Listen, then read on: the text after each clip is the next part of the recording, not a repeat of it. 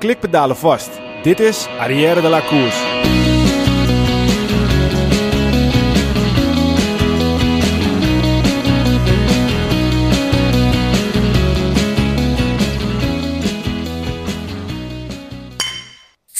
Arrière de la Course wordt mede mogelijk gemaakt door Koerspret. www.koerspret.nl Dames en heren, jongens en meisjes, welkom bij onze podcast over wielrennen Arrière de la Course. De komende podcast gaat over wielrennen, besproken vanuit het oogpunt van drie wielergekken die alles volgen vanaf de bank dicht voor de tv.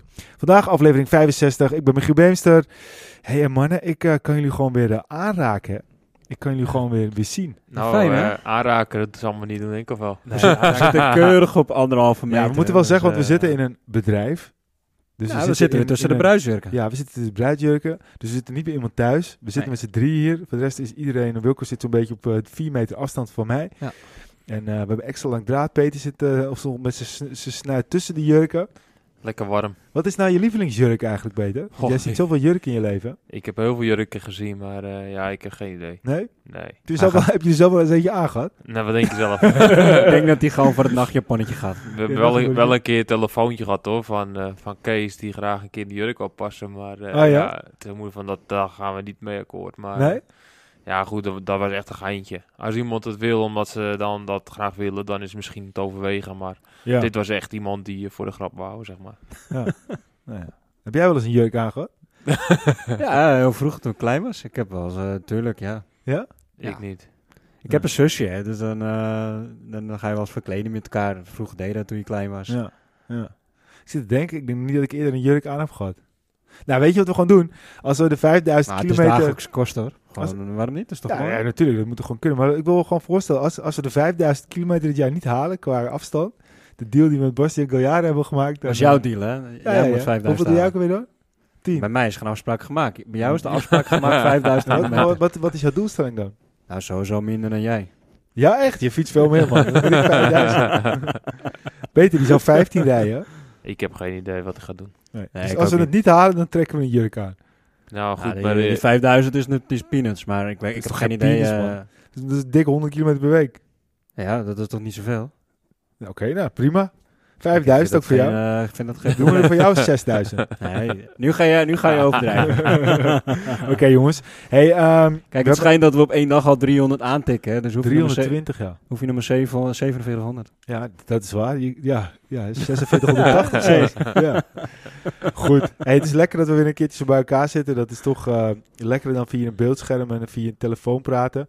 Uh, we kregen gelukkig ook heel veel positieve reacties op de podcast met Steven de Jong. Maar ook een aantal die al zeiden, zoals we zo ook vonden, dat het geluid gewoon uh, ruk was. Ja, dat, uh, dat was, gewoon, uh, was gewoon jammer. Vonden we zelf ook. We gaan nog een keertje bij Steven langs en dan gaan we het helemaal overdoen. ja, het, het, had gewoon te maken met, met de lijn. En waarschijnlijk was er in België net een, een, een boom op een, op een telefoonkabel gevallen of iets dergelijks. Door een zware storm en daardoor was het geluid gewoon heel slecht. Mooi brugje trouwens, Boom. Ja. Lars Boom in de podcast. Wint zijn eerste wedstrijd als ploegleider na onze podcast. Zeker. Steven de Jong.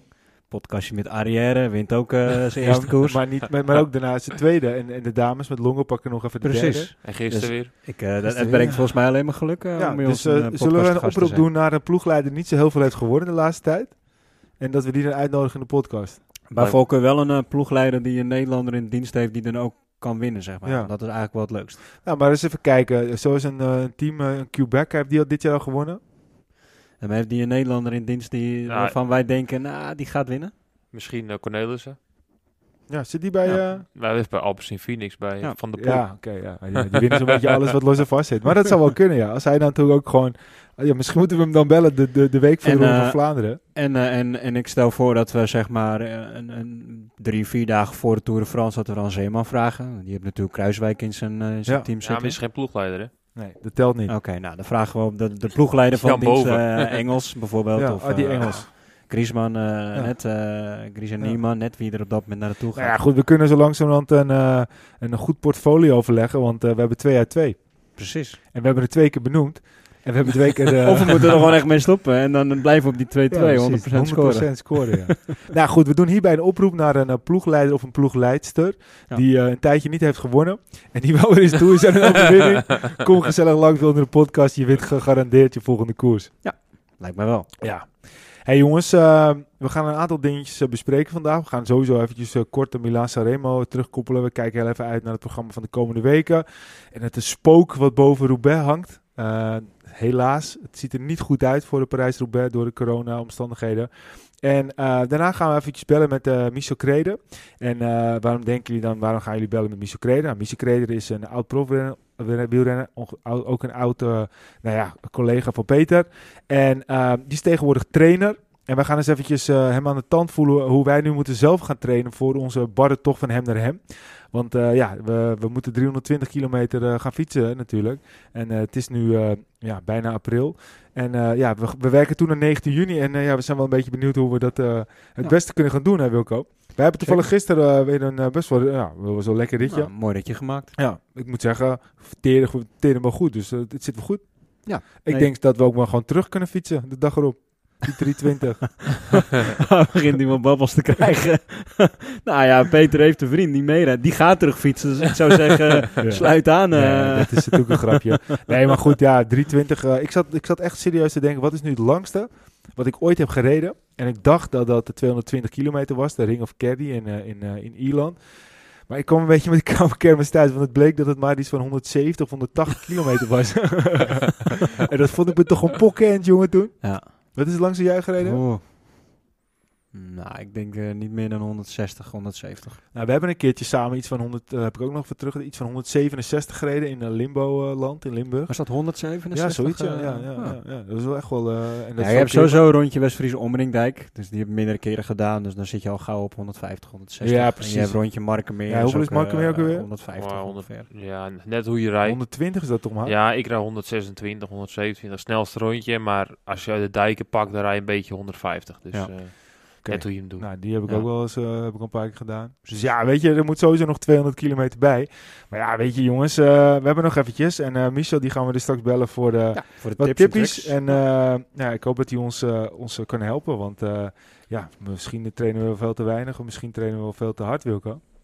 Kijk, Peter, de enige, het enige doel dat wij hebben de komende tijd is Peter gewoon heel veel koerspret voeren.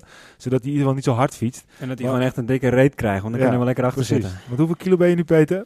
Oh, 88 denk ik. Oeh, 88? Er moet nog een kilootje 12 bij. Hoeveel was je toen je profrenner was? Uh, 79. Zo. 78. Oké. Okay. Nou, dat zijn toch wel gauw vier kratjes koerspread, dus uh, ik doe een paar kratjes bij. Nou, ik moet niet zeggen, ik, ik moet eerlijk zeggen dat, dat, dat, dat je er wel gewoon nog uh, strak uitziet. Ja, en ik fiets niet zo heel veel meer hoor. Nee. Veel minder dan ik deed eigenlijk. Maar hoe zou het dan kunnen dat je dan toch die, al die kilo's uh, erbij komt? Is dat dan gewoon, is dat, is dat logisch? Ik heb geen idee hoor. ja, is logisch. Ja, vind jou niet dik ik, of zo? Ik reed met de vetpercentage van tussen 7 en 8 een beetje. Ja. In de winter ging het dan 9, 10. Maar veel hoger kwam ik niet en veel lager ging ik ook niet. Dus ja. of ik veel at of weinig at, ik kwam eigenlijk, ik verschilde misschien in de winter was ik een kilo zwaarder in, in, in, in de zomer. Ja. En um, nu heb ik dat nog steeds. Als ik uh, de hele week niet fiets en ik doe vier, vijf keer slecht eten en ik doe elke avond twee, drie biertjes, bij wijze van. Ja. Nou, dan ben ik uh, einde van de week nog precies hetzelfde. Ja. Het is niet dat ik dan één keer een kilo zwaarder ben. Nee, precies. En uh, als je, kijk, als ik drie of vier dagen ga pasta eten, om wat voor reden, ja, dan merk ik dat ik dan even zwaarder ben. Want dan heb je gewoon, ja, heb je heel, houdt heel snel vast. Maar uh, ja, als ik dan een week hier weer een beetje fietsen wat doen, dan is het zo weg. En wat is onze doelstelling een beetje voor de hem? Want jij bent de parcoursbouwer. Jij bent ook de persoon die... Uh, die, nou, tien uurtjes toch? Tien uurtjes. 33 gemiddeld. zo lang? Huh? 33 nou ja. maar? nee, ik denk al dat we... Dat we Van, plezier hebben, dat is het doel. Als we uh, vroeg vertrekken met een paar goede stops. Ik, ik, denk zelf wat heel belangrijk is, als je een paar keer echt goed gaat stoppen om uh, wat te eten, naar de wc te gaan, dat soort dingen. Uh, en daarnaast gewoon af en toe versnel uh, stoppen, een broodje colaatje en weer door, bijvoorbeeld. Ja. En uh, dat je dan heel ver komt. Dat eten gewoon, wat Steven de Jong ook zei, heel belangrijk is. Ja. En dat we daarop moeten focussen. Wat, wat, wat denk je, hoe, hoe, hoe zou ongeveer zo'n zo'n zo'n dag qua eten eruit moeten zien? We worden s ochtends wakker, want we gaan ongeveer rond half zes weg of zo. Dan eten, eten we waarschijnlijk om half vijf nou, of zo, je, vijf uur. Wat je begint al de weken van tevoren, hè? Dus ja? drie, vier dagen van tevoren begin je koolhydraten te stapelen eigenlijk. Echt? Ja, dan, want het dagavond van tevoren neem je het meeste op. S'ochtends eigenlijk niet zoveel meer. En dan uh, s ochtends probeer je tussen de 70 en 80 gram koolhydraten te eten. 20 gram eiwitten, plus minus. En hoeveel broodjes er dan? Nou, hangt eraf wat het brood je hebt. Meestal doe je gewoon, uh, als je muesli neemt, dan kun je veel sneller koolhydraten binnen. Ja, precies. En havermout dan, uh, Havermout, dat soort dingen, ja. En dan twee of drie eieren erbij s ochtends, omdat je toch wel weer eiwitten nodig hebt om je herstel al tijdens het fietsen te bevorderen. En dan uh, onderweg gewoon blijven eten. En eigenlijk moet je wel richting de 50, 60 gram koolhydraten minimaal per uur. Dus ja, dat is echt veel, maar uh, ja, dat is wel okay. wat je moet doen. Ik heb dus, er nooit zoveel gegeten, man. ja, dat is fiets. Je moet ja. denken dat je als jij een muesli-repie van 15 gram koolhydraten hebt, dat je de 3 of 4 uur moet eten. Kijk, je doet ook een beetje wat je zelf goed vindt en wat je goed voelt. En, uh, ja, maar dat, dat is de grap. Heel veel mensen die eten niet thuis fietsen, omdat ze het niet fijn vinden om te eten. Want als ja, jij... ja, soms ga je met mensen fietsen en dan zijn ze slecht voorbereid en hebben ze niet eens eten mee. Nee, nou, Soms uh, spreek je met mensen gewoon een bepaalde tijd af. en dan komen ze nog weer een kwartier in en dan denk je, oké, okay, ik zal even haasten. En dan alle, alle gehaast uh, vergeet je dan je, je reepjes mee te nemen. Ja. Ik noem voor de rest geen namen. Ze zijn er, hè? Ze zijn er. Ja, maar die persoon zonder naam, die had gelukkig nog wel met een jelletje van bij Die had wel een jelletje, want die voelde zich heel schuldig. Ja, het is een lekker jelletje, maar wel mierzoet. Ja. Heb ik gehoord, hoor. Heb ik gehoord. En dan heb je een jelletje. Bijvoorbeeld, er zit dan tussen de 15 en 20 gram koolhydraten in bijvoorbeeld. Nou, dan moet je er ook al drie of vier per uur van nemen. En dan keer 9, dus dan betekent dat je iets van 30 jelletjes in je zak moet stoppen, bijvoorbeeld. Ja, dus dat is, dat, dat is heel moeilijk aan en te En die dagen ervoor, wat deed je dan allemaal? Ja, pannenkoeken bijvoorbeeld, of dat soort dingen. Maar hoeveel eet je dan? Gewoon nou ja, probeer altijd wel tussen 60 en 80 gram koolhydraten te eten, want die kan toch niet heel veel meer opnemen. Hmm. En dan als het maar zoveel mogelijk gespreid. En dat, dat is echt drie dagen daarvoor al? Nou ja, dus drie dagen van tevoren begin je eigenlijk het beste eh, op te bouwen. Kijk, als jij uh, koolhydraatarm gaat eten drie dagen voor zo'n rit, ja, dat is niet verstandig. Nee, nee, nee. Want dat is gewoon brandstof die je nodig hebt. Je gaat ook niet een lege tank rijden naar Frankrijk toe. Nee. Uh, met de auto dan. En dus hoe, hoe lang hou je rust als het ware voordat je dan uh, die, die wedstrijd gaat doen? Nou, je of moet, die wedstrijd is geen nou, wedstrijd. Je moet gewoon, uh, je, ik denk dat bewegen gewoon belangrijk is. Vooral de laatste weken dat je elke dag wat doet. Maar ook de dagen ervoor? Ja, al is maar een uurtje. Je moet gewoon je, je ritme erin komen en dat soort dingen. Maar ik denk dat we beter straks een Michel kunnen vragen. Ja, en, en wat ook wel leuk is voor, voor, kijk, Michel is inderdaad uh, een goede trainer, maar we kunnen in, in, uh, tegen die tijd ook wel eens op zoek naar een goede voedingscoach die we in de podcast dan hebben, die ons echt goede tips kan geven over ja, voeding. Dat vind ik wel interessant, ja. Ja, dat, dat, dat is zeker Kijk, interessant. Peter is natuurlijk prof geweest en die vertelt het nu vanuit zijn uh, profervaring, maar ja. wij zijn amateur. Wij zijn helemaal niet gericht gebouwd op wat Peter net vertelt. Uh, dus voor ons is het allemaal nieuw, maar ook denk ik voor, voor een gemiddelde luisteraar is het best wel interessant, denk ik, om te weten uh, wat, wat je moet doen als je bijvoorbeeld gaat werken naar een mooie lange tocht. Kijk, je moet zeg maar zien, wat ik altijd geleerd heb, als je qua voeding, je hebt een piramide. En uh, de onderkant van de piramide is heel breed. Dat is eigenlijk de basisvoeding. Hè? Dus dat je gezond eet, gevarieerd eet, groente, fruit, al dat soort dingen. Ja. Maar dat is bijna wel tot 80% die piramide in is het eigenlijk uh, alleen maar dat. Variatie, goed eten, niet te veel suiker, niet te veel snoepen, niet te veel uh, cola, dat soort dingen.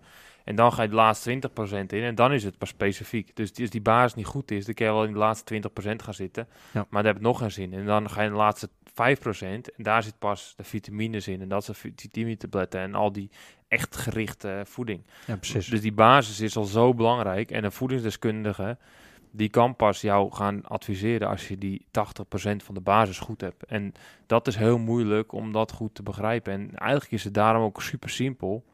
En dan wordt het daardoor ook weer ingewikkeld. Ja. Ja. Ja, ja, goed. Uh, ja, laten we Michel anders bellen. Dan pakken we daarna Milan Sanremo uh, op naar Michel. Ja, en dan nou, bellen we eerst uh, Michel. Ja, goed. We, we zitten nu toch bellen. lekker in het gesprek. Laten we eens eventjes gaan horen hoe de echte pro tegenover onze... onze Kijk, waarschijnlijk gaat hij zeggen, ah, jullie trainen goed, jullie trainen veel te veel. Althans, dat hoop ik. Ja, dat weet ik wel zeker. die, trainen, die, zijn, die zijn jezelf helemaal kapot aan het trainen, jongens. Het gaat helemaal niet goed. Echt, als je een rondje van 90 is veel te veel, jongens. Dat moet je halveren. Ja, precies. Echt. En het hardlopen vijf keer week, jongen, dat moet je gewoon niet meer doen. Stoppen mee. en vooral dat chillen, bed leggen en badderen en zo, dat, dat, dat, dat is een goede tip, zeg maar. Ja. Michel Keder. Hey Michel, je spreekt uh, met uh, Michiel Beemster van uh, de podcast Arielle Koers. Welkom in de podcast. Hoi, goedenavond mannen. Hoi, hoi. Hey, Mich. hey Michel, goedenavond met Welko. Hey. Kan je ons allemaal goed horen? Ja, zeker. Nou, ik okay. wil jou het beste, moet ik zeggen. Oké, okay, nou dan zal ik eventjes de telefoon iets uh, verder ook naar de rest toe leggen, dat je die ook uh, kan horen. Je zit, uh, je zit er meteen live in en ja, we hebben, we hebben het net al eventjes over onze, onze barre rit gehad die we gaan doen, van hem naar hem. En uh, nou ja, Peter uh, is natuurlijk uh, een maatje van je, een oud teamgenoot. En die zei eigenlijk van het zou wel eens leuk zijn om, om Michel te bellen. Je bent natuurlijk een, een oud profielrenner, maar tegenwoordig trainer. En ja, wij konden wel wat tips gebruiken als het om onze, onze, onze rit gaat van hem naar hem. Dus we dachten we gaan je gewoon eens even bellen. Ja, klopt. Ja, helemaal leuk. Ja, een mooie uitdaging, denk ik. Want zo te, ik sprak Peter natuurlijk van de week al even. En uh, ja, 330 kilometer in één stuk, dat is uh, nogal een opgave, denk ik. Ik weet niet hoe jullie daar voor de rest zelf in staan, of jullie al wat uh, gewend zijn qua dat soort afstanden. Nou ja, we hebben nou, net, met de auto gaat het wel. Ja, met de auto hebben we het wel eens binnen de dag gedaan. Maar, maar we hebben net ook eventjes gekeken en we kwamen eigenlijk erop dat we nog nooit, Peter uiteraard, daar buiten gelaten. Maar Wilco en ik, we hebben eigenlijk nog nooit verder dan 160, 170 kilometer gefietst. Dus uh, ja, we zijn niet, bekijken niet heel erg met angst naar, uh, naar, naar, naartoe. Maar Peter begon net al over gemiddelde van uh, 33 per uur wat we moeten halen. En toen begonnen, toen begonnen we, in het wiel dan. Ja, in het wiel. Dus toen begonnen we wel een beetje te knijpen. En inmiddels het deelnemersveld is redelijk rond. ongeveer 20 man. maar er zitten ook wel flink wat kleppers bij en ook wel wat mannetjes, wat haantjes. Dus ja, we zijn ook wel een beetje bang dat, dat als we eenmaal daar nou, op weg zijn, dat het ook steeds harder en harder en harder zou gaan. En, ja. en, nu is het wel zo dat we, ja, we zijn Peel Koning, want dat is denk ik het, eh, het meest waar we ons moeten focussen. Peter uh, vertelde net dat hij 9 kilo zwaarder was, maar die redt zich wel. Maar ja, wij, wij zijn gewoon redelijk getraind. We hardlopen wel, we fietsen wel. Maar ja, we zijn wel gewoon eens benieuwd uh, wat we eigenlijk vanaf nu, eind maart tot en met 19 juni, zouden moeten doen om dat te halen.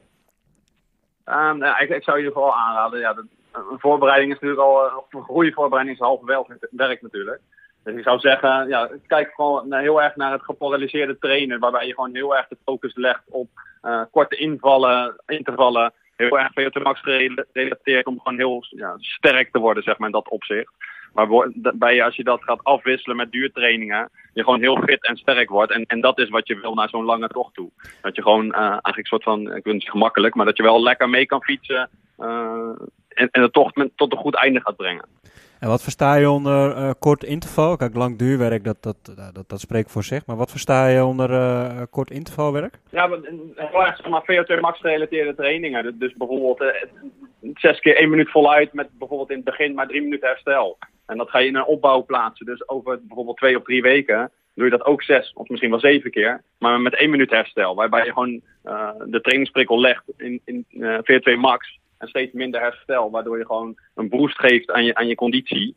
Um, ja, en dat op de lange termijn, dus, dus over richting uh, over drie maanden, dat je daar echt baat bij hebt, dat je, zeg maar, ja, wat ik zei, heel fit bent, sterk. Uh, en een tocht van 330, ook al lijkt het heel lang, uh, als je hem goed indeelt en je hebt de juiste trainingen van tevoren gedaan, niet zeggen het wordt een eitje, maar dan ga je wel lekker uit kunnen rijden. Oké, oké, dat, klinkt, dat klinkt goed. Kijk, en uh, ik, misschien kan ik een beetje uitleggen hoe ik nu train. Ik, uh, ik loop ongeveer uh, vier, vijf keer in de week, 6,5 kilometer. En als ik dan één keer niet loop, dan fiets ik met de Wilco zoals gisteren een tochtje van 70, 75 kilometer. Is dat dan genoeg of ben ik dan echt totaal verkeerd bezig? Ah, ik zou toch wel iets, iets aanraden om iets meer te gaan fietsen. Oké, um, oké. Dus als je nog een extra tocht kan doen, en het hoeft helemaal niet lang te zijn, maar bijvoorbeeld een uurtje tot een uur en een kwartier en dat wat je al deed, maar dan heel erg wat ik net zei. Dus uh, eh, VO2 max gerelateerd. Dus heel kort, heel intensief trainen. Uh, dat is denk ik nu uh, ja, de betere prikkel die je nodig hebt, trainingsprikkel, om net even dat stapje te zetten de komende weken. Waardoor je gewoon ja, iets sterker gaat worden. En zeker richting een lange tocht wil je gewoon de hele tocht lekker kunnen uitfietsen. Dus dan zou ik zeggen, probeer nog, nog even een keer extra erbij te gaan fietsen. En, kan het, zou je dan bijvoorbeeld Swift ook aanraden? Is dat een goede tip? Of, nou ja, zeker. hopelijk uh, vanaf volgende week natuurlijk met het wat langer licht en hopelijk beter weer uh, zou je natuurlijk de buitentraining ook kunnen doen. Maar inderdaad, voor, voor, nu is, is Swift uh, de ideale training om, om ook binnen te kunnen doen, zeker. Ja, en, en, en wat we ons ook afvroegen, uh, Peter heeft net al een beetje iets erover verteld, maar, maar qua voeding, is, er dan, is dat dan eigenlijk vanaf nu af aan uh, belangrijk dat we gewoon, gewoon steeds goed eten, genoeg koolhydraten? Of moeten we ook een beetje uh, toewerken dat we nu misschien wel wat minder eten en dan in de laatste weken dat we dan juist heel veel eten? Of maakt dat niet zoveel uit? Nee, nee juist, juist de focus nu gewoon leggen op gewoon goed en gezond eten. Uh, uiteindelijk eten is natuurlijk jullie brandstof. Ik bedoel, je, gaat niet benzine in jullie gooien Dus je moet met voeding doen. Um, dus, dus hoe meer je lijf daar ook aan, uh, aan, gewend is en getraind op is, ja, des te makkelijker ga je die toch natuurlijk doen. Dus als je nu een soort van gaat uithongeren, dan heeft het dadelijk alleen maar negatief effect. En dat is wat je natuurlijk niet wil. Dus, dus in dat opzicht moet je gewoon heel erg richten. Koolhydraten, dat zijn natuurlijk de, de brandstof uh, op zich, waar je, waar, je, heel wat aan hebt nu. Sorry, ik hem even. Uh, en, en daarnaast ja, let gewoon ook heel erg op de eiwitten. Dat zijn natuurlijk de bouwstenen en uiteindelijk waar je, waar je spieren door gaat uh, kweken. Als je, als je die combinatie goed krijgt, en genoeg eten de komende weken, nou, dan zie ik het wel zitten dat jullie zo lang toch gaan rijden. Ja, nou ja, weet je, ik, ik ben, ben enthousiast. Is het, vind je het een leuk idee als we je de komende periode zo nu dan even bellen om, om een kleine tussenstand te geven hoe we erin staan? Ja, leuk. Ik ben benieuwd. Oké. Okay. Nou, want ik vind het nog wel even interessant. Uh, je bent uh, natuurlijk altijd uh, oud-prof geweest. Krede natuurlijk een bekende naam in het peloton.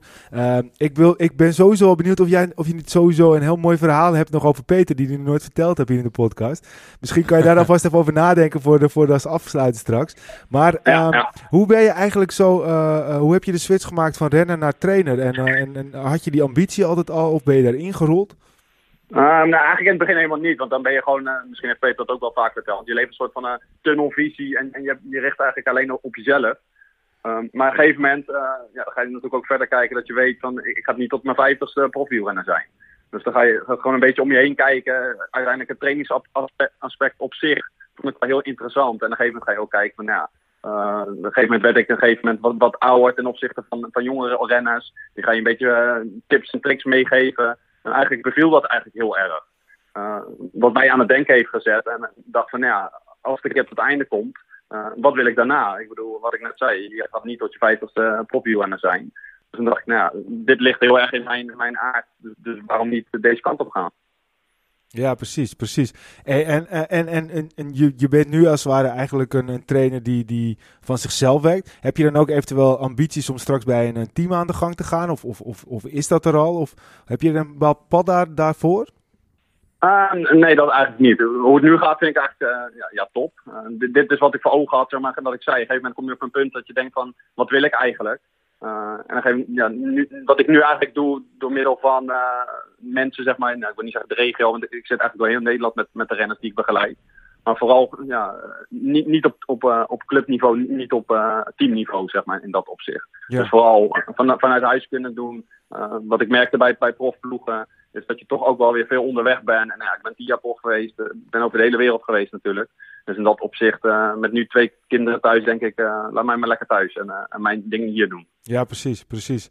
Hey, en als, als er nu luisteraars zijn die denken van, nou ja, weet je, ik, ja, ik, ik, ik ben lekker aan het fietsen, maar ik zou wel eens gewoon wat meer advies willen hebben. En ik zou eens wat gerichter willen gaan trainen. Ik ga een tocht doen van 320 kilometer in de toekomst. kunnen, ze, kunnen ze dan bij jou terecht eventueel? Zeker, ja hoor. Ja. Ik, ik begeleid in principe alle, ja, ik zeg altijd van, van amateur tot bijvoorbeeld bij wijze van spreken profniveau. Van mensen die wedstrijden rijden tot mensen die to toetochten doen. Uiteindelijk fietsen kan je natuurlijk je eigen weg inslaan door maar wat te doen. Uh, je eigen training te volgen, zeg maar. Of uh, ja, structureel aan de werk te gaan en, en echt met een schema aan de slag te gaan. Ja, oké, oké. Nou ja, goed. Uh, en als mensen dan denken, nou dat, dat wil ik gaan doen, hoe kunnen ze jou dan bereiken? Heb je een website? Ja, klopt. Uh, www.michocredecoaching.nl www.michocredecoaching.nl Hey, en uh, wat ik me afvraag, heb je al uh, kunnen nadenken over die mooie anekdote van, over Peter? Of, of, of, schiet je zo iets niet te binnen? Nee, nee eigenlijk niet. Niet, niet, niet eens Peter op zich eigenlijk. Altijd, Hij gedroeg zich altijd heel netjes.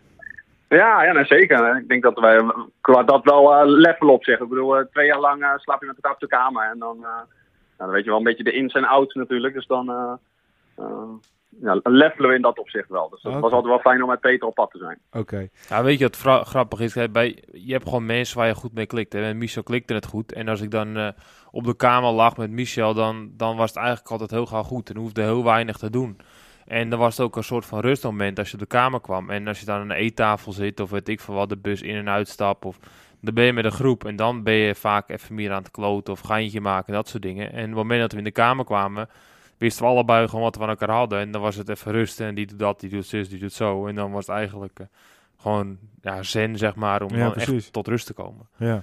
Dus uh, ja, daar hadden we elkaar gewoon versterkt. Niet dat de ene om uh, uit was slapen en de ander vroeg opstond. Of de ene wou vroeg naar bed en de ander laat. Dus het matchte altijd met alle vlakken eigenlijk wel goed. Ja, en jij, jij kent Michel natuurlijk heel goed. waarom is Michel zo'n goede trainer? En waarom zouden mensen dat echt gebruik van moeten maken? Nou, je hebt natuurlijk heel veel verschillende soorten karakters. Hè? En... Um, Michel is wel een, uh, een renner geweest die goed uh, kat de boom keek altijd. Dus alles wat hij ziet, alles wat hij doet, dat volgt hij, dat kijkt hij. Uh, als je ook ziet de overwinningen die hij heeft gedaan bij in het profpeloton, dus allemaal op tactiek, koersinzicht, slimheid, echt doordacht. daarnaast is hij natuurlijk gewoon snel en met op een klein klimmetje. En dat doordachte, dat neemt hij ook mee met het trainen. Dus hij ziet wat andere mensen doen. Hij is slim, hij kijkt en hij luistert. En dan geeft hij een analyse. En dat maakt juist een renner zo goed. En voorheen maakte die analyse niet voor, uh, voor een ander, maar voor hemzelf. En daardoor maakte hij juist de beslissingen. En nu doet hij hetzelfde, alleen dan geeft hij die voorzet aan iemand die die moet coachen. En dat maakt juist het verschil. En Dus hij weet wel wat voelt en uh, ja, misschien niet zo grote motor gehad als mij, dat ik even snel door de wind heen douwde. Maar ja, hij was wel twee keer zo slim om even dat wiel, dat wiel, dat wiel, boem, en dan zat hij op dezelfde plek. Ja, precies, ja. Wat je ook wel eens hoort nu met Kevin is bijvoorbeeld. Uh, ja, als Kevin is, die is lang niet de sterkste, maar hij wint wel de wedstrijdjes. Ja, en uh, dat had Michel ook wel. Ja. En ja, dat maakt hij even goed nog steeds een goede prof. Ja, nou ja, je bent niet voor niets tien jaar prof natuurlijk, want dat is echt wel een lange periode. Ja. Hey Wilco, ehm, ben jij helemaal uh, bij uh, voor je voorbereiding of heb je nog een, uh, nog een brandende vraag? Nou, dat is wel grappig. Ik ben, ik ben gelijk de hele tijd al aan het denken van hoe ga ik dit voor mezelf invullen. Dus ik ben al aan het denken van nou, dinsdagavond zou voor mij wel ideaal zijn om de standaard ja, ja, ja. intervaltraining te gaan doen. Ja. En dan in het weekend gewoon een mooie lange duurtraining te gaan doen. En op donderdag ook gewoon een lekkere training, zodat je gewoon vast ritme in gaat bouwen voor jezelf. Maar hoe, Michel, hoe lang moet zo'n intervaltraining dan, dan duren? Is dat dan een uur of zo, of anderhalf uur? Of, nou, een uur is in principe prima. Maar ik zou zeggen, begin met een uur. En wat ik net zei, als je zes keer een minuut zo, zo hard mogelijk gaat en daarna uh, drie minuten herstel neemt. Uh, als je dan een kleine inwarming hebt, een cool down hebt gedaan, dan zit je al bijna een uur. Ja. Uh, en als je dat de komende weken probeert te herhalen, dan, dan heb je gewoon een hele effectieve training. En dan kan je bijvoorbeeld uitbreiden naar ook die één minuut, verlengen naar twee minuten als het voor jouw gevoel te makkelijk gaat. Ja. En op die manier moet je gewoon een beetje zelf ook voor jezelf aanvoelen. Kan ik dit aan? Kan er een stapje bij? Um, ook als het zeg maar, die andere kant op gaat, word ik te vermoeid, moet ik hem niet een dagje extra rust nemen. Dat zijn vaak de punten uh, ja, die, die eigenlijk des te belangrijk zijn op dat moment. Ja, en wat, wat is dan echt een signaal dat je vermoeid bent? Uh, is dat dan op het moment dat je hartslag uh, niet meer naar beneden gaat? Of hoe, hoe, hoe, hoe, kan je dat aan je lichaam zien? Nou, va vaak komt hij dan niet meer omhoog. Dus, dus, door middel van wat ik net zei, die, die hele korte specifieke trainingen. Ik noem maar een aanslag dat je normaal gewend bent 160, 170 halen. Op een gegeven moment merkt je komt niet meer boven de 150 en je benen lopen heel snel vol. Ja, dat zijn vaak de tekenen dat je ziet dat je vermoeid bent. Oké. En, en, en eh, zoals ik, ik doe meestal dan zelf altijd maandag, dinsdag, woensdag, donderdag, vrijdag een training. Eh, is dat dan verstandig of is het, is het beter om, om ergens tussendoor nog een uh, rustdag in te lossen? Nee, als dat voor jou heel goed werkt, dat blijft het belangrijkste natuurlijk. Dus als de structuur goed is, als jij twee keer, of tenminste twee keer twee dagen in de week fietst, maar natuurlijk in het weekend dat waarschijnlijk dan wat minder en, en op woensdag Um, als jij je daar wel goed bij voelt, is dat het belangrijkste. En als je dat op die manier door kan zetten, des te beter. Maar zodra jij gaat voelen op bijvoorbeeld een maandag of een donderdag, ik, herstel eigenlijk niet meer. Ja, neem dan liever een, dagje extra herstel, zodat je daarna weer kan oppakken. Zodat je uh, ja, niet te veel inlevert op, op je conditie. Ja, ja, nou Wilco, ik uh, denk dat, uh, dat de eerste stap gemaakt is. Het lijkt me leuk als, uh, als we een volgende podcast dat we gewoon even, even bellen met Michel. En dat we dan weer even een korte update krijgen. Of eventjes het voorleggen aan de trainer. Dus ja, tot, tot zover hartstikke bedankt. En, ja, leuk man. Ja, en nou, mocht je 19 juni niks te doen hebben. Je, we, hebben we, hebben, we hebben 19 deelnemers, dus we hebben nog één plekje vrij. Dus misschien vind je het wel leuk om mee te fietsen. Maar denk daar maar eens over na. Ik ga er eens over nadenken. Vorig jaar ben ik ook met Peter mee geweest van, van Noord-Holland naar Maastricht fietsen. Ja. Dat was toen ook 280 kilometer. Dus uh, het zijn wel hele leuke tochten, moet ik zeggen. Ja, nou ja, goed. Uh, het gaat van hem Noord-Holland, uh, helemaal bovenin Noord-Holland, uh, nou, bijna bovenin de neus, tot aan hem bij Roubaix. Dus nou ja, goed, dat, dat bespreken we volgende keer nog weer. In ieder geval hartstikke bedankt en een hele fijne avond verder. Is goed, mannen. Oké, okay, tot ziens. Hoi. Ja, Wilco. Um, dus uh, in principe trainen we eigenlijk wel redelijk goed. Dus dat hardlopen is gewoon wel goed om je conditie bij te houden. Ja, maar je moet wel uit die comfortzone. Dus er moet wel, als je hard loopt, moet het wel hard. En dan moet je dus zes keer één minuut hard. En nee, maar dat is die interval. Maar eigenlijk als ik gewoon drie keer in de week hard loop, één keer de lange tocht maak en één keer de interval trainen, dan zit ik prima. Ja, maar je ja, hardlooptraining, als je dat goed kan doen, dat kan ook veel te makkelijk ja, zijn. ik heb, ik heb toen ik mijn, uh, mijn PR op de 10 kilometer uh, gelopen heb. Toen, zeggen, onder de 40 hè? Onder de 40. Wat is het precies? Het was, uh, ja, het was 39,58. Dus dat is wel echt dik onder de 40. Echt, dat is gewoon, uh, kan je gewoon afvinken. Dik onder de 40. Mijn is dus 39,48. Dus ik ben 10 seconden sneller. Nou ja, ben trots op je. Maar, ja, toen, kijk maar, toen, uh, maar toen had ik ook echt wel een trainingsritme voor mezelf. En dat ik ook echt iedere dinsdagavond had ik voor mezelf altijd intervaltraining. Het donderdag was voor mij gewoon altijd een serieuze training. En zaterdag of zondag was een, een hele lange duurtraining. En of die zaterdag of de zondag was altijd gewoon een lekkere uh, relax training, zeg maar. Dat het er gewoon heel langzaam ging, maar gewoon genieten van het hardlopen. Maar wel gewoon inhoud kweekte. En die vier dagen, nou, dat werkte uiteindelijk toch wel. En dan drie dagen rust. Vier, vier dagen in de week trainen. Drie dagen rust. En ja. achter elkaar? Nee, dinsdag, donderdag en uh, zaterdag, zondag. Ja, precies. Ja. Dus je had wel echt ritme en veel rust. En dat pakte toen pakte dat voor mij goed uit. En ik werd ook echt wel beter, beter, beter en beter, zeg maar.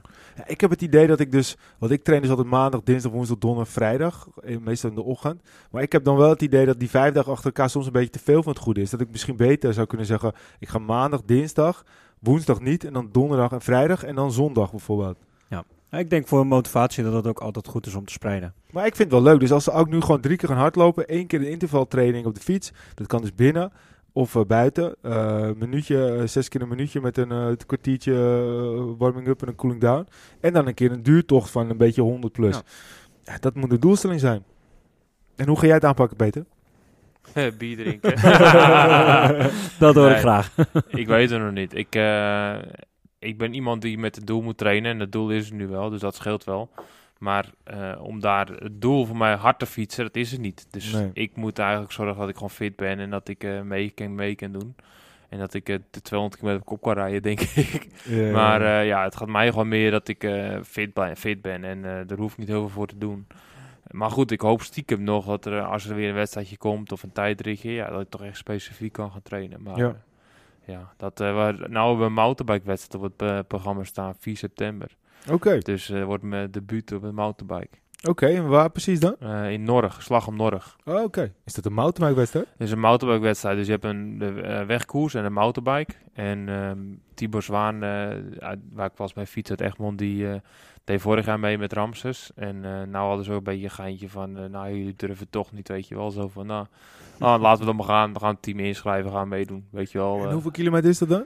120 eh, geloof ik. Op de mountainbike? Of, maar kan je nou, ik ga mijn strandfiets. Waar zeg, op je strandfiets? Dus, kan dat dan? Nou, het kan wel. Ik denk voordat ik een hele stomme vraag stel. Nee, nee, dat kan wel. Dus ik ga andere wielen erin zetten met, uh, met noppies. En dan, uh, ik heb met Ramses, die was vorig jaar, reed mee voor het podium daar.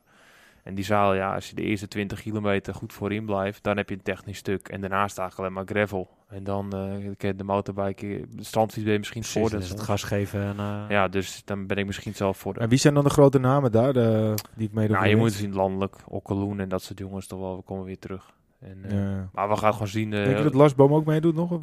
Nou, het zou kunnen, je weet het niet. Maar goed, net, die is natuurlijk ploegleider nu, hè. Dus ja, als die wedstrijd hebt, dan gaat hij niet. Maar ja, het is wel weer leuk om even een doel op lange termijn te hebben. Maar ja, eerst maar eens wedstrijden doorgaan op amateurniveau. Want voorlopig is alles weer geannuleerd en uitgesteld. Nou ja, goed, kijk, en uh, als het gaat om onze eigen ritten, hem, hem, uh, we kunnen nog steeds uh, wat locaties gebruiken, onze slaapplekken.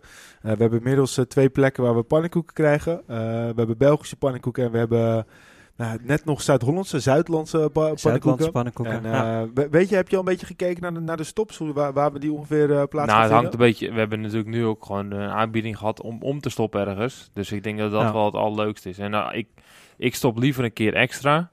En dat er zitten misschien een keertje 60 kilometer tussen twee stops in. Dan dat wij uh, nu zelf wat moeten organiseren. Want het is juist leuk als we ergens iemand wat staat. wat het, het, het, zoals het er nu uitziet, denk ik dat die 150 kilometer, dat wordt gewoon een, een goede stop.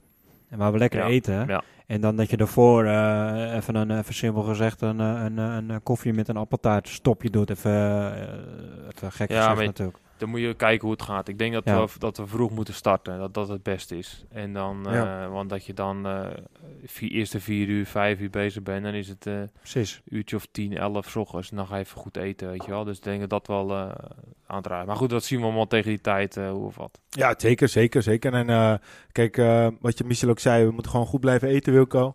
En uh, gewoon goed kracht opbouwen. En uh, ja. ja. het is mooi dat we de komende podcasten met hem uh, gewoon hier en daar even kunnen doornemen. Om te kijken of we op een goede weg zijn. Vandaag al twee keer taart gehad, dus op zich dat we het goed eten. gaat het goed. Weet je je VO2 max eigenlijk? Nee. nee? Wat, wat was jouw VO2 max op zijn top? Ah, ik deed, deed nooit echt die VO2 max testen. Ik weet wel dat ik in de 70 wel een paar keer had. Maar um, ja, ik, wij deden meer vermogen testen. En dan 20 minuten testen en dat soort dingen. Veldtesten, omslagpunt en Al, al die dingen deed ik wel veel. En tegenwoordig, in de laatste jaren deden we heel weinig testen, omdat je gewoon continu data hebt, het hele jaar door. Precies. Dus je hoeft eigenlijk die testen ook, ja, natuurlijk is het mooi moment om, uh, ja, zeg dan cold turkey, dat je dan op een moment gewoon, dat is op moment en dan doe je het. Maar ja, dat is ook een momentopname. Als je net die dag niet lekker wakker geslapen hebt of wat voor reden dan ook, dan, dan, dan je minder. Dus. Mijn, uh, mijn Fitbit rekent er mij elke keer uit. En die uh, zit een beetje tussen de 56, 57, 58. En dan staat er dat, ja, het, uh, maar dat, dat het goed is voor mijn leeftijd. Dus dan denk ik, oké, het zal wel goed zitten. Kijk, je kan het pas echt meten met zo'n, dat je zeg maar je zuurstof ja, uitblaast. Dus ja. dat is met heel veel dingen is het leuk om, om een richtlijn te hebben. ongeveer zo zijn, ongeveer, echt ja. zo kloppen. Ja. Nou jongens, uh, op naar de koers. Op naar de koers, uh, want... Uh, dat is toch leuk. Het is gewoon, ik heb er gewoon zin in. En gewoon een mooie dag, mooie tocht. Ja. Ja, het is lachen. We moeten met name gewoon een mooie herinnering creëren. Ja, dat vind ik het allerbelangrijkste. als we hetzelfde gemiddelde rijden als Milan Sanremo, dan rijden we 45 gemiddeld. 45,06. En als je dan denkt van 320 kilometer...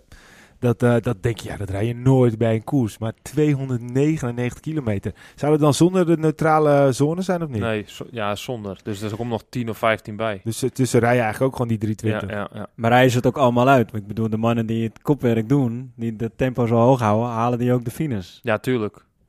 Die kopwerk, tuurlijk. Over Milan Sanremo. Ja, tuurlijk halen die finish. Stoppen ze niet eerder? Stappen ze niet eerder uit? natuurlijk niet. De kopmannen? Het is de makkelijkste Ik bedoel, ja, de, de, mannen die op kop rijden. Nee, dag, nee die rijden wel uit. Ik, Hoeveel dit nog vinden ze zijn er? Michiel zit met laptop voor zijn neus. Kijken. Ik denk als er vier zijn of vijf zijn, is het veel. Ja, maar ik bedoel meer. Die, mannen die, die gaan natuurlijk met de taak van... Dat heb je toch op een of andere manier... Heb je al gekeken of niet? Nee. Want het zijn er 1, 2, 3, 4, 5, 6. Nou, ik vind het toch wel knap omdat je dat zo zegt. Want ik had het ook totaal niet ingeschat. Nou kijk, het is heel simpel hè. Dus um, je weet gewoon, er was een kopgroep er was dus een peloton, wind mee langs de kust. Nou, ik weet het was wel wind mee, ja. Ik weet hoe het daaruit ziet. Dus in het peloton zit je super simpel. Nou, Tim de Klerk, dat soort jongens, die gaan leven lang niet uh, afstoppen. De volgende punt is, waar ga je stoppen? Als het een ronde is of het twee, twee plaatselijke rondjes, ja, dan stappen ze wel eens af. Nu is het van A naar B en je moet gewoon die kust langs fietsen en dan kom je er. Ja. Dus je moet uiteindelijk toch daar naartoe. Dus ja, maar, maar wat denk je dat, dat de laatste, de nummer 169 dan, was Charles, uh, Charles Polanet. Van het, trouwens, ja, de team... kopgroep. Nee, nee uh, ja, dat zo. Was is het de kopgroep? Oké, dat was uh, Sam Brandt en André Perron. En uh, Planet en uh, Kamster, die waren, dat waren de laatste. Kamster die is niet eens uh, gefinished trouwens.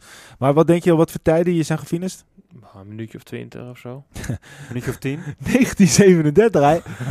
ja, ja. Hij, hij heeft gespeeld. Ja, hij heeft gespeeld. Nee. nee, maar mijn gedachte was meer, weet je, die gasten die gaan natuurlijk van start met een taak. Dus als je taak is de hele dag op kop rijden, ik kan me heel goed voorstellen als je dan 200 kilometer op kop hebt gereden en, en je, ja, maar... teamgenoot staat klaar om over te nemen dat je dan ook afstapt. Ik snap, ook dat je de finish houdt, maar ik zou ook heel goed begrijpen als je dan afstapt. Ja, maar als, je, als je gewoon ziet dat er, uh, even kijken, de eerste 55 binnen de 30 seconden.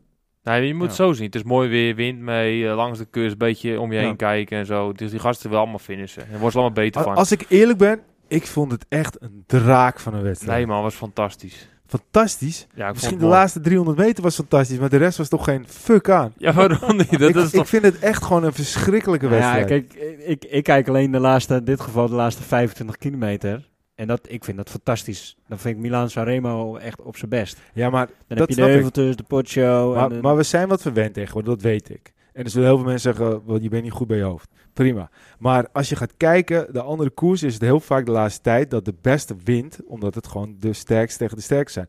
Dit is gewoon, dit is gewoon een soort van gokken. Nee, is het niet. Ja, ik vind, ik vind het wel een soort van gokken. Want Stuiven, die wint in dit geval. Ja. Maar Stuyven die heeft toch in principe de hele wedstrijd bij de eerste gereden. Hij is op het klimmetje is hij op 100 meter gezet. Daarna komt hij in de afdaling weer keurig terug. Dus hij is toch ook gewoon een van de beste op die dag. Ja, maar de, de rijder de rijder de 34 binnen de, binnen de 6 seconden. Ja, dan heb je dus 34 renners die de beste waren. Alleen ik. eentje maar, kan winnen. Maar dat snap ik. Alleen dit is, een, dit is één van de vijf monumenten. Echt een van de vijf grootste wielerwedstrijden als het gaat om eendagskoersen. En als je dan ziet dat, dat, dat het eigenlijk alleen maar wachten is en wachten en wachten en wachten. En op een gegeven moment denk je het gebeurt, dan is er nog weer wachten en wachten, en wachten. En met alle respect, Caleb Ewan is natuurlijk gewoon in een, in, in een super goede vorm. Maar ik weet niet, hij zat met drie vingers in zijn neus, zat hij gewoon uh, rustig in het wiel af te wachten tot hij... Uh, tot hij weg kon gaan. En als je dan zou zeggen, als uiteindelijk Caleb Ewan dan wint, denk je, ja, dat is fantastisch. Stuyven is ook fantastisch voor Stuyven. Alleen, het is wel gewoon hij gaat op het juiste moment. Dat is ook een gaaf, ben ik met je eens. Alleen, is dit dan net zo mooi als Luik Bastenaken, Luik Ronde van Bardije, Parijs-Roubaix, Je moet alle koersen moet je los van elkaar ja, zien. Dat snap en ik, iedere koers heeft zijn charmes. En Milaan Sanremo is, is altijd al zo geweest. Er is nog nou, voor de laatste jaren met vorige met Van Aert ja, en ik, ik bedoel, ik bedoel meer te zeggen, ik kan me niet herinneren dat er een koers is geweest, dat er een kopgroep weg is gereden en dat die vooruit bleef. Het komt altijd bij elkaar. Het wordt altijd of een sprint of iemand die, die, die demareert uh, 100, 200, 300 meter van tevoren. Maar Milano, Milan Sanremo is in, in, in eigenlijk altijd hetzelfde. Ja. maar, ik zeg iedere koers heeft een bepaalde charme. Ja. En, en dit is de charme die bij Milan dat, dat ben ik met je eens. Maar dit is niet de charme die ik vet vind aan het wielrennen. ik vind het heel vet verstuiven. Ik denk dat hij heel veel chocola gaat eten de komende maanden. Want dat heeft hij verdiend. Ik denk dat er ook heel veel chocola naar Krak Andersen gestuurd mag worden. want die heeft hem gewoon natuurlijk uh, voor, voor, voor, voor, nou, voor 70% uh, voor aan zijn overwinning geholpen. Ik vind het super vet voor België als verstuiven. Alleen met alle respect ik kijk echt duizend keer liever naar de ronde Ja, maar het is net waar je van hou. Kijk, je, dat weet ik. Ik hou niet van. Appels met peren vergelijken. Ja. En jij houdt niet van peer blijkbaar, of niet van banaan. Of... Ik hou niet van druit. Dat vind ik echt een ja, maar als je gewoon deze koers pakt, ze gaan, ze gaan een klim op. En als je dan die afdalingen alleen al ziet, die, die, die afdalingen die zijn gaaf, hè. Smalle wegen. Het is tactisch. de bochten die zijn niet in te zien, dus je weet niet. En het gaat allemaal maar net aan goed. Ja. Ja, dat is toch. En, en inderdaad tactisch. En ja, je hoopt inderdaad dat Van Aert en Van der Poel en alle verliep, die drie man, dat ze het ook gaan doen. Nou, ze moeten het ook nog maar kunnen. Dus ik ben je voelt ook continu die spanning van: gaat het gebeuren, gaat het gebeuren? Het gebeurt niet. Wat gaat er dan gebeuren? En dat telt natuurlijk voor iedereen. Nou, we hadden het over Ewan. Zo, die is goed. Gaat die ze er dan allemaal opleggen? Nou, die kan het uiteindelijk ook niet. Ik ben het, dat, ik ben, is Milan ik ben het helemaal, ik ben het gewoon, ik ben het heel met je eens. Caleb kon het wel, maar uh, ja, er was iemand slimmer. Zo simpel is En sterk natuurlijk. En meer geluk. Ja, maar je, op, je moet het op een goede moment moet je durven aan te vallen. Maar ze hadden Ewan nooit laten rijden. Nee, maar kijk, weet je, Ewan, als Tim Wellens bij hem had gezeten, was hij niet altijd stuiver niet gewonnen. Nou, want kijk, uh, Stuiven nou eruit weg en de rest gaat naar elkaar kijken, want niemand had meer Maar waarom Wellens niet? Want Wellens had ook, gaat ook niet dicht uh, gereden. Tuurlijk wel. Weet je, als Krak anders naartoe kan rijden, dan kan ook Wellens op kop rijden van die groep. En als die op kop gaat rijden, dan starten ze die sprint op het Ja, maar waarom zou Wellens... Ja, om voor, je, voor ja. Weet je, ja. het, is, het, is, het is, je kijkt naar die groepen, die samenstelling, alle teams zaten er volgens mij alleen. Behalve Schachman en Sagan en... Um, Moritz zat in die afdaling voorin bij Pitcock en die had uh, die, die Italiaan, uh, ja, Cobrelli bij Schachman zat met Sagan inderdaad, ja. Waarom dat, ja. dat Schachman dan niet uh, volle dus bak... Uh... Schachman had gewoon volle bak. Ik zag ze zitten met z'n tweeën. Ik denk, oké, okay, Schachman die moet of meespringen, want die zat redelijk gewoon echt gewoon mee, of hij moet op kop rijden voor Sagan. En ik snap niet waarom hij dat niet gedaan heeft. Nou, ja. waarschijnlijk heeft Sagan gezegd, ik weet niet hoe goed ik ben, dus laat maar zitten, weet je wel, zoiets. En het is een split second, hè. Maar moet op intuïtie moet je eigenlijk gelijk gaan rijden. En als Caleb daar wel een mannetje als Degenkop of Gilbert of uh, Tim Wellens had gehad, dan hadden ze gezegd, ja, rij maar op kop. Want als je kijkt naar de, uit, de uitslag, later zag je die groep daarachter ook nog redelijk dichtkomen. Ja, zes seconden. Ja, dus je ziet ook, die groep stond echt stil. Daar, stond, daar zat ook Akkerman nog in. Dus Boris zat in principe met, uh, met drie man bij de eerste twintig. Ja, maar die heb niet aangesloten. Dus, maar die groep, die loopt echt nog veel in het laatste stuk. Dus dat betekent dat Stuiven ten opzichte van die groep niet heel veel harder reed. Nee, nee. En dat betekent dat die groep... Uh, kijk, Van de Poel gaat niet op kop rijden voor Van Aert. En Van Aert gaat niet op kop nee, rijden van... Maar uiteindelijk probeert alle verliep dan het uh, gat dicht te rijden. Ja, dus die probeert en, het nog, omdat die denkt van ja... En die wordt uiteindelijk zestiende. Jolo de Polo, ik ga ervoor. Maar dat, is, en, dat vond ik wel... Dat, ik, en hoeveel ik was Bennett uiteindelijk geworden? Bennett. Nee, die werd eraf gereden, de Poggio. Ja, maar die werd eraf gereden. Die, die, helemaal, uh, die was, eh, trouwens, dat was wel 42 op 30 seconden.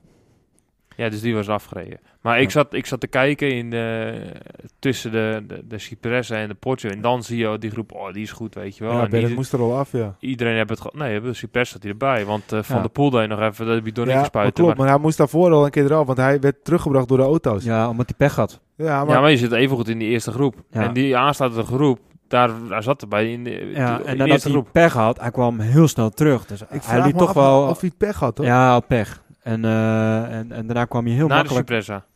Daarvoor had hij, uh, had hij volgens mij pech. Ja, maar dat kan er niet, want op de Cipressa de, zat hij bij de eerste groep. Hij, hij, is, hij is eventjes weg geweest. En toen was het nog, oeh, penibel, komt hij nog terug, komt hij nog terug. En uiteindelijk kwam hij toch nog heel sterk, heel snel zat hij weer voor in het peloton. Maar hij moest echt van tussen de auto's moest hij terugkomen. En het was niet om Ja, dat was voor de Cipressa. En toen ja. op de Cipressa zat hij in de eerste groep, zat hij erbij. En toen brak het in de, daar op de Cipressa ja. door de Jumbo. En toen uh, ging Ineos natuurlijk rijden en die had de 4, 5 man. En dan zag je dat die groep bleef strak tempo, maar erachter gingen ze nog veel harder. En wat ik toen mij opviel was die Ghana, die zat zo ver, die kwam gewoon helemaal wat buitenom. Volgas de turbo aan. En toen zag je hoe dominant Ineos eigenlijk was. Staat hier dat, uh, dat uh, Sam Bennett een uh, lekker band had? Voor de Cypress af Nou ja, er staat Puncture the Rails, Sam Bennett is Jesper Stuyven, Vince Milan Remo. Dus hij, dat, was, dat is ook gewoon pech dan. Maar kijk, ik ben het Hij kwam toen heel snel terug, hè? Maar Misschien goed, heeft hij toen te veel energie ja, Hij was nog een beetje het grappen met Van der Poel, hè? Van der Poel, die, die, die spoot dat water naar hem toe of zoiets. Ja, ja. Over Van der Poel gesproken. We hebben het in de app ook al gezegd dat we vonden dat hij te ver iedere keer van achter zat. Daar kwam hij iedere keer wel goed naar voren. En iedere keer... En op een gegeven moment ging alle verliep ook. En hij zat toen, nou, volgens mij op plek 12, 13, 14 of zo. maar hij moest ook iedere keer zoveel energie gebruiken om dan weer naar voren te komen. Ik begrijp niet zo goed waarom hij zich niet gewoon, net zoals Van Aard, gewoon goed vooraan uh, laten zitten. Gewoon. Want hij is sterk genoeg om vooraan te zitten de hele tijd. Kijk, soms heb je die dagen, hè, dat het is een beetje koffiedik kijken. Want hij kan het zeker, anders win je geen sprint. Zo simpel is het. Maar soms heb je die dagen dat alles lukt en dat alles tegen zit. En um, dan lukt positioneren, maakt niet uit wat het is. Want ja, je moet zo zien, uh, die weg is redelijk smal. Uh, er rijdt 40 man en er wil 40 man bij de eerste 10 rijden. Nou, dat kan niet. Dus één op de vier die kan daar rijden en die andere drie van de vier niet. Ja. Nou, van de Poel die zit dus elke keer net bij iemand in het wiel die daar een gaak gaat vallen of bij terug gaat zakken. Ja, maar hij staat daarvoor ook wel heel ver naar achter ook. Hij staat ja, maar, rond positie 40. Ja, dus ze gaan nog helemaal die bocht om en dan zit die, pakt hij de buitenbocht en dan stuurt ze die bocht uit, dus snijden ze een beetje in en dan zie je zo, dan zakt hij zo een plek of 20, 30 naar achter. Nou, dat is een momentje of dan had je daarvoor al daarvoor moeten zitten. Nou, dan verspil je onnodige energie. En dan heb je een beetje pech dat je net aan de verkeerde kant zit. Dus hetzelfde als je maar, rotonde hebt. Soms heb je een rotonde dat je de ene kant links afgaat en de rechterkant langzamer is. En dan zit je in één keer achterin. Maar Stefan de Jong vertelde in de vorige podcast ook dat dat wel een beetje zijn handelskenmerk is. Want hij vertelde toen dat Simons een tijdje Quinn Simons eh, van de Poel ging volgen. En die zei, ik word helemaal gek voor hem. Want hij zit de hele tijd heel veel naar achteren. En dan maakt hij in één keer een sprintje naar voren. Ja, dan, dan pakt hij even 6, 700 ja, Misschien is, misschien is Milan Sanremo op dat late, late hectische stuk dan niet, uh, niet de juiste plek. Want hij liet zich eigenlijk ook wel een beetje piepelen in, uh, in de Tirreno, uh, Adriatico. Ja, moeten. Toen alle Alaphilippe won, toen was hij eigenlijk de snelste, maar hij was dat te ver. Hij zat te ver, hij was misschien te laat. Is dat, misschien is dat de enige zwakte soms van Van der Poel, dat, hij, dat hij zich soms een beetje wat verder plaatst. Misschien ook een beetje gemakzucht, uh, wat hij denkt, wat, oh, het komt goed. En, ja, misschien wel. Maar goed, aan de andere kant, het was een mooie koers en ik denk ook wel dat een beetje meespeelt en dat is natuurlijk altijd een beetje Zei je nou, het was een mooie koers? Nee, nee, Zei je nou echt, het was een mooie koers? nee, ik bedoelde eigenlijk te zeggen... jij hoorde het, jij hoorde het ook, hè? fantastisch. nee, maar wat ik eigenlijk probeerde te zeggen is dat het een mooie koers was als in... dat uh, de renners die er uiteindelijk nog zaten, dat het de grote namen waren. Ja. Maar ik vind het persoonlijk... Uh, een draak van een wedstrijd, omdat het gewoon veel te lang duurt en het, en het, het slot gewoon te kort is. Mede. Maar, om even mijn punt te maken, want uh, je hebt een punt, Wilco. Sorry, ik ga met je mee. Maar om een punt te maken, uiteindelijk denk ik ook wel dat alle verliep, misschien iets minder mate, maar Van Aert en uh, Van de Poel best wel veel average hebben geleverd de laatste periode. We hebben natuurlijk de Strade gehad, we hebben de, ja, trainer Adriatico gehad. En dan kunnen we allemaal wel zeggen, ja, ze hebben wel veel tijd om te herstellen. Maar ja, dat was natuurlijk een helse omstandigheden. En uh, misschien een stuiver die dan toch wat meer rust heeft gehad. En uiteindelijk gewoon ja, uh, geen druk heeft. Dat die daarvan kan profiteren. En volledig terecht, goed gedaan. Maar Van Aert wordt ook gewoon derde. Hè? Dat moeten we niet vergeten. Dus ja. eigenlijk uh, ook ja. gewoon rete goed gewoon weer. Natuurlijk, het is gewoon een fantastische, fantastische resultaat. En ze rijden gewoon allemaal weer in de top. Dus. Ah, kijk, weet je wat ik mooi vind aan deze wedstrijd? Het is niet voorspelbaar. En we kennen nee. zoveel ideeën op tafel gooien. We zeggen, als je een tien wielen voorspellers had gevraagd van wie had de, beste drie, dan hadden ze alle, alle drie dezelfde drie opgenoemd. Niemand had Stuiven, niemand had Caleb Ewan, weet je wel. Dus dat is toch altijd hetzelfde. Ja.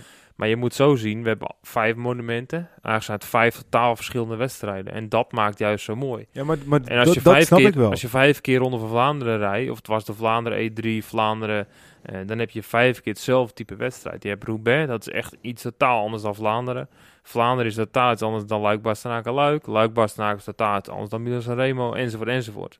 Dus die juist die verschillen, en de ene die vindt dat mooi dan de ander.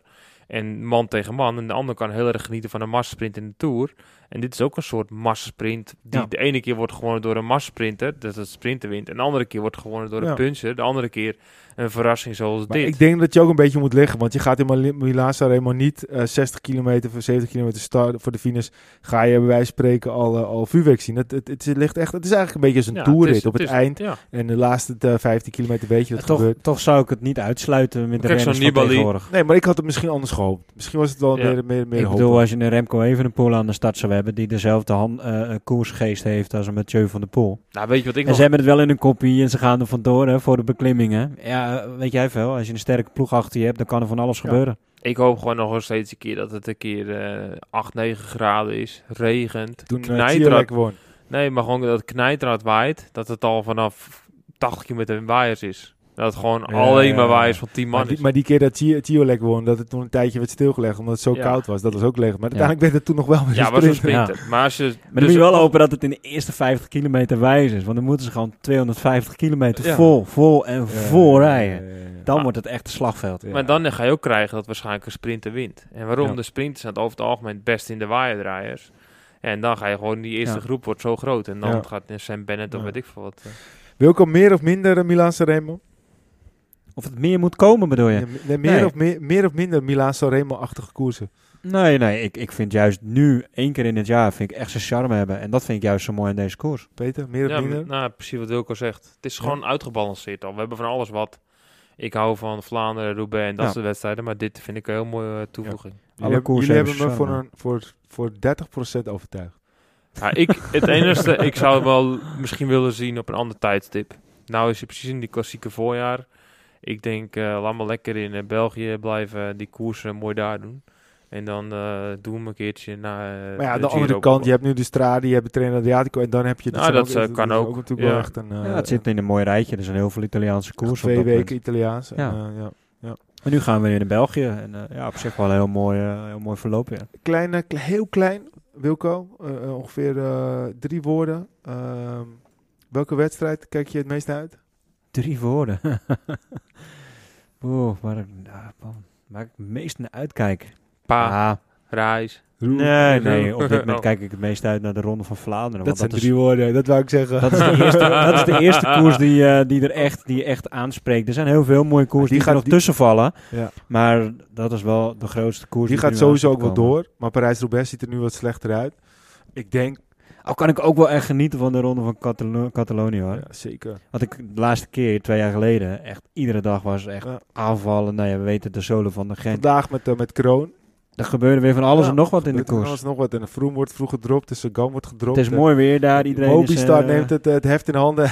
en uiteindelijk dan uh, hebben, ze, hebben, ze de, hebben ze gedropt wat ze willen, denk ik. En dan stoppen ze met koersen. En uiteindelijk zitten ze er niet bij. En heeft Soler heeft pech. Ja, maar die verliest. Nou, die zal niet geen tijd verliezen. Maar ja, nee. er gebeurt altijd wat. Peter, jij hebt meest zin in? Ja, ik hoop dat de Roubaix doorgaat. Toch als slecht uit, het afgelopen jaar niet was. En dan, ja. ja. ja. Het zou vet zijn als hij is. Ja, ja, zeker. Maar het is mooi, we hebben goede renners nou gezien die goed waren. Renners die minder goed waren.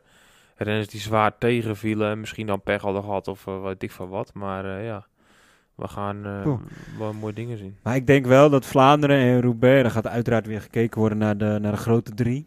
Zeker. En je ziet wel dat Van Aert en, ook wel Van de Pool, ze worden nog wat beter en beter. En ze zijn echt aan het toewerken naar die ene piek.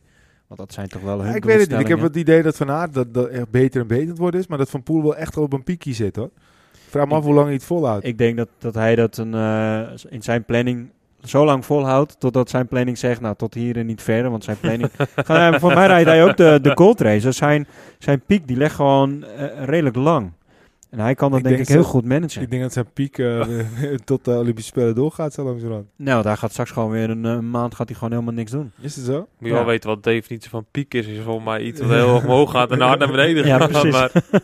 nee, maar straks na, voor mij naar de gold race, dan gaat hij echt gas terugnemen. Ja. We moeten zeggen, zijn plateau of niet? Ja, precies. Plateau, zijn ja. hoogvlakte. Zijn hoogvlakte. De hoogvlakte Precies, ja. Hij, hij, gaat naar de top en dan blijft hij inderdaad op de plateau. En een week lang en daarna gaat hij weer afdalen. Hey jongens, we gaan het uh, de komende weken volgen. Uh, we gaan ook uh, onze eigen trainingen volgen met ja. Hem Hem. En mochten luisteraars nog tip hebben aan Wilco, hoe die nog, nog langer en beter kan fietsen, dan horen we het ook heel graag, Wilco. Hoe ik? Nou, misschien moeten ze naar jou kijken. Goed jongens. Peter, laatste woord. Uh, Nou ja, eigenlijk niet zoveel. Wie gaat verrassing zijn naast de drie grote? Ja, ja.